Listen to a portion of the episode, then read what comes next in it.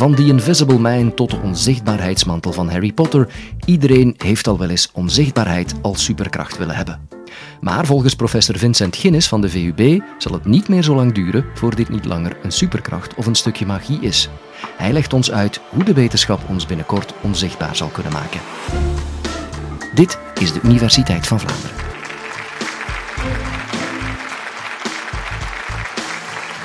Als wetenschappers op stap gaan, naar een discotheek of naar een café, en we leren nieuwe mensen kennen, dan weten we dat we niet onmiddellijk over ons eigen onderzoek moeten beginnen praten. Een verwijzing naar de serie The Big Bang Theory is nooit veraf.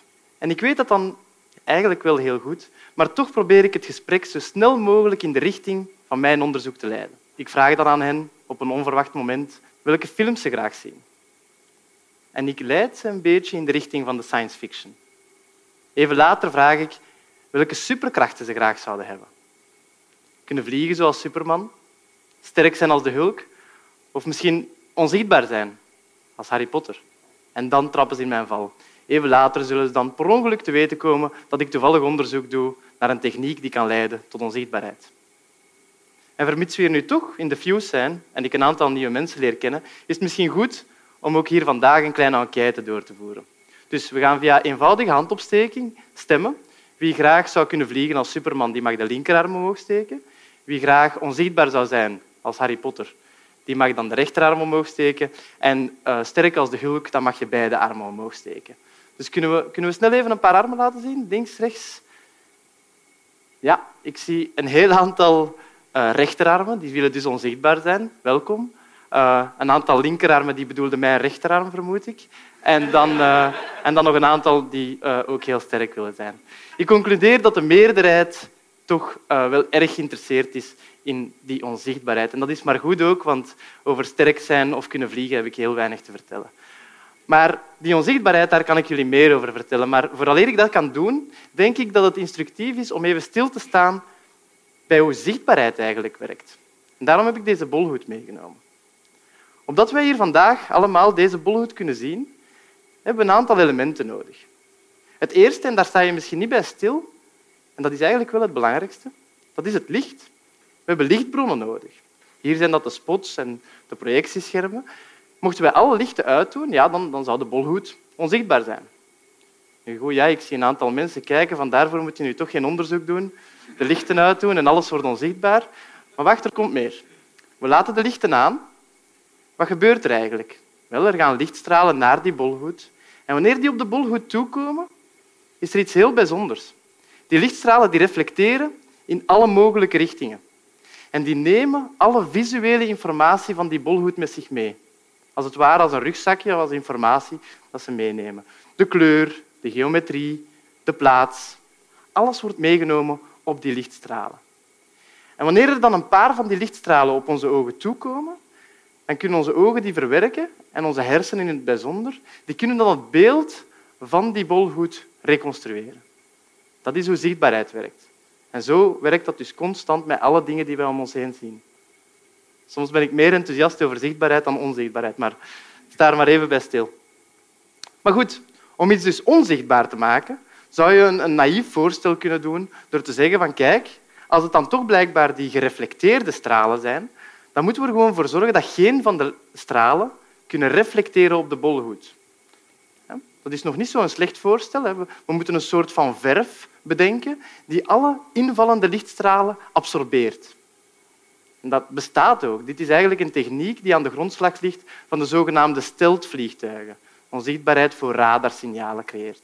Maar goed, dat is nu niet bepaald het type van onzichtbaarheid dat we in gedachten hebben wanneer we daar net onze rechterarm hadden omhoog gestoken wanneer we over onzichtbaarheid spreken. Want inderdaad, als je daar even bij stilstaat, dan zou je misschien niet meer zien dat hier een bolhoed is, maar je zou toch ook wel zien dat hier nog steeds iets is, want er zou een soort van zwarte vlek uit deze richting komen. Als we dus echt iets onzichtbaar willen maken, moeten we twee dingen doen. Eerst moeten we ervoor zorgen dat geen van de lichtstralen op de bolhoed kunnen reflecteren. Maar het tweede, en dit is veel, veel moeilijker, moeten we ervoor zorgen dat alle lichtstralen rond de bolhoed ingeleid worden, zodat je kan zien wat er zich achter de bolhoed bevindt. Dat is echte onzichtbaarheid. Nu, ik kan jullie verzekeren dat volgens de traditionele optica, de technieken die we daar hebben, door gebruik te maken van prisma's en lenzen, dat dit een probleem is dat we echt niet konden oplossen. Een goede tien jaar geleden zou je aan iemand gevraagd hebben, kan jij, kan jij dit doen hè, binnen onze branche, binnen de optica? Ze zouden gezegd hebben, ja, ik heb zelfs geen manier om hierover na te denken. Maar in 2006 waren er twee onderzoekers uit het Verenigd Koninkrijk en die hebben ingezien dat het toch misschien mogelijk zou zijn. Ze hebben immers ingezien dat licht vaker dan je denkt een gebogen pad volgt. En dat is net wat je nodig hebt wanneer je een onzichtbaarheidsmantel wilt maken. Het eerste voorbeeld van zo'n gebogen pad, ik denk dat we dat allemaal kennen. Dat vind je terug in de woestijn. Boven het warme zand in de woestijn, daar is de brekingsindex van de lucht, daar varieert die als functie van de hoogte. En beeld je nu in dat er ergens een palmboom staat en dat je een beetje verder op een kameel zit en je bent aan het kijken naar die palmboom, wel, dan gaat een gereflecteerde lichtstraal van die palmboom naar u een gebogen pad volgen en geen recht pad.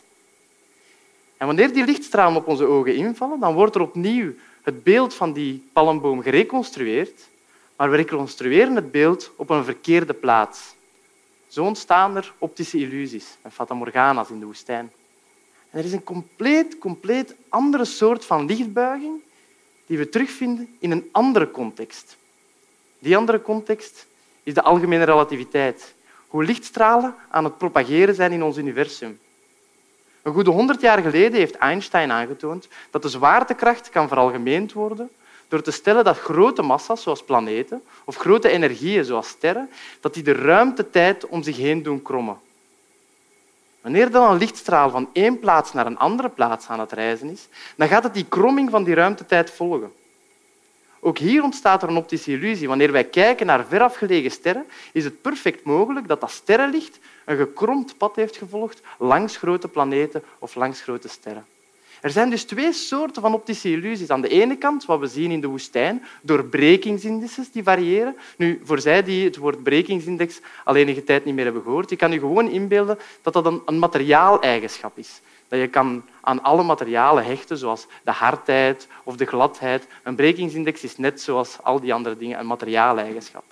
En dus je hebt in de ene context een brekingsindexvariatie die zorgt voor lichtbuiging. En in de andere context heb je die kromming van de ruimte-tijd die voor lichtbuiging zorgt. Wel nu, in 2006 hebben twee onderzoekers aangetoond dat die twee contexten eigenlijk dezelfde zijn.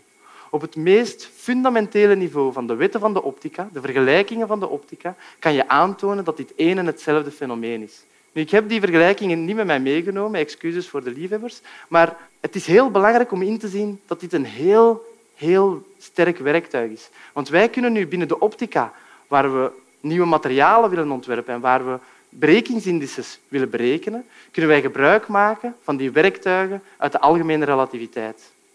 En laat ons even terugkeren naar het voorbeeld van die onzichtbaarheid. We wisten dus dat we alle lichtstralen rond die bol goed moeten rondleiden om ze onzichtbaar te maken. Binnen de optica onmogelijk. Maar onze vrienden van de algemene relativiteit die kunnen op enkele minuten tijd een kromming van de ruimte-tijd bedenken waarbij exact dit gebeurt. Tijd voor een klein overzicht. Waar zijn we zo? Wel, we hebben gezien hoe zichtbaarheid werkt. We hebben gezien wat we met lichtstralen moeten doen om iets onzichtbaar te maken. En dan tenslotte hebben we een bruggetje gevonden tussen de algemene relativiteit enerzijds en de optica anderzijds om te berekenen welke materiaaleigenschappen we nodig hebben om iets dan ook effectief onzichtbaar te maken. We zijn er bijna, ik hou de spanning er een beetje in. Het enige dat we nog moeten doen, is op zoek gaan naar die materialen die dan die exacte brekingsindices hebben om die onzichtbaarheidsmantel te maken. Wel, je hoort mij al komen, ik heb geen onzichtbaarheidsmantel aan. Daar is het slechte nieuws. Die materialen die kunnen we blijkbaar niet op aarde terugvinden. Er zijn geen natuurlijk voorkomende materialen hier op aarde die de juiste brekingsindices hebben die we nodig hebben om een onzichtbaarheidsmantel te maken. Maar dankzij de nanotechnologie kunnen we zelf onze materialen gaan maken. Dankzij de nanotechnologie kunnen we materialen maken die samengesteld worden uit natuurlijk voorkomende materialen. Glas, metaal, zand. Al die materialen kan je samenvoegen en dan ontstaat er een brekingsindex die verschillend is van de samenstellende delen, als je dat op een intelligente manier doet. En ik heb hier zo'n voorbeeld vast. Dit is een zogenaamd metamateriaal dat een brekingsindex heeft die verschillend is van de samenstellende delen. Wat zijn dit? Wel, dit zijn gouden cirkels die we hebben aangebracht op een printplaat. Ik zie nog altijd een paar kritische blikken in de zaal, want ik ben begonnen met de vraag kunnen we binnenkort mensen onzichtbaar maken? En nu sta ik hier met een groene plaat voor mij, duidelijk zichtbaar te wezen.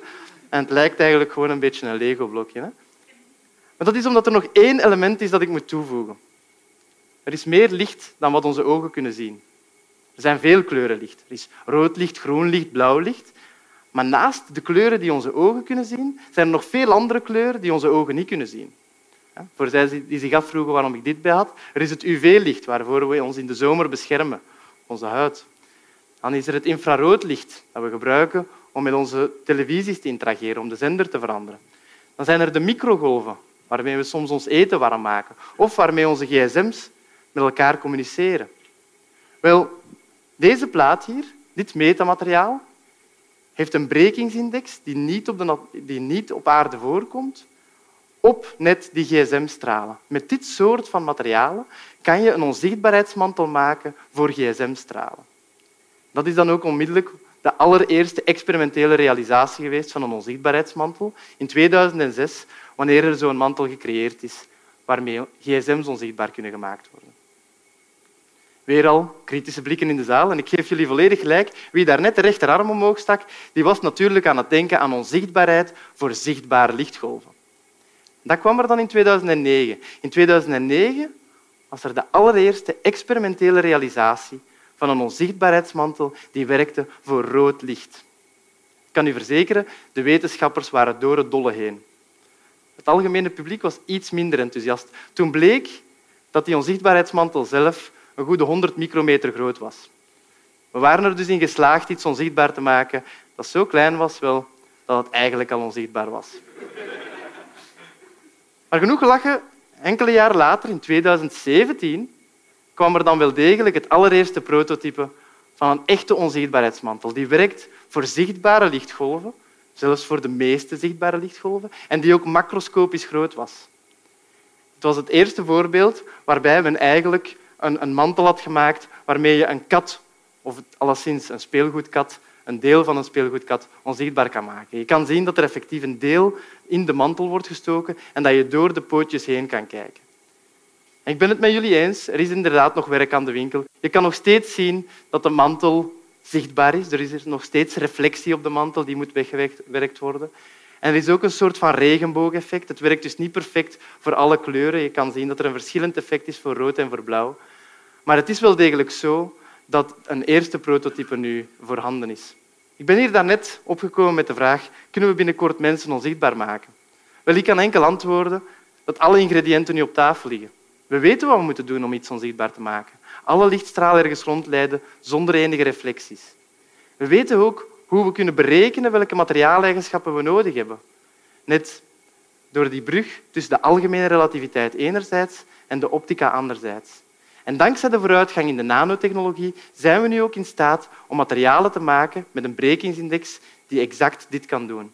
Als er dus iemand binnenkort op café u vraagt welke superkracht je graag zou hebben, dan mag je wat mij betreft antwoorden dat onzichtbaarheid al lang geen science fiction meer is. Je meer wetenschappelijke mysteries ontrafelen? Leef je dan uit met onze andere podcastcolleges op onder meer Spotify of iTunes.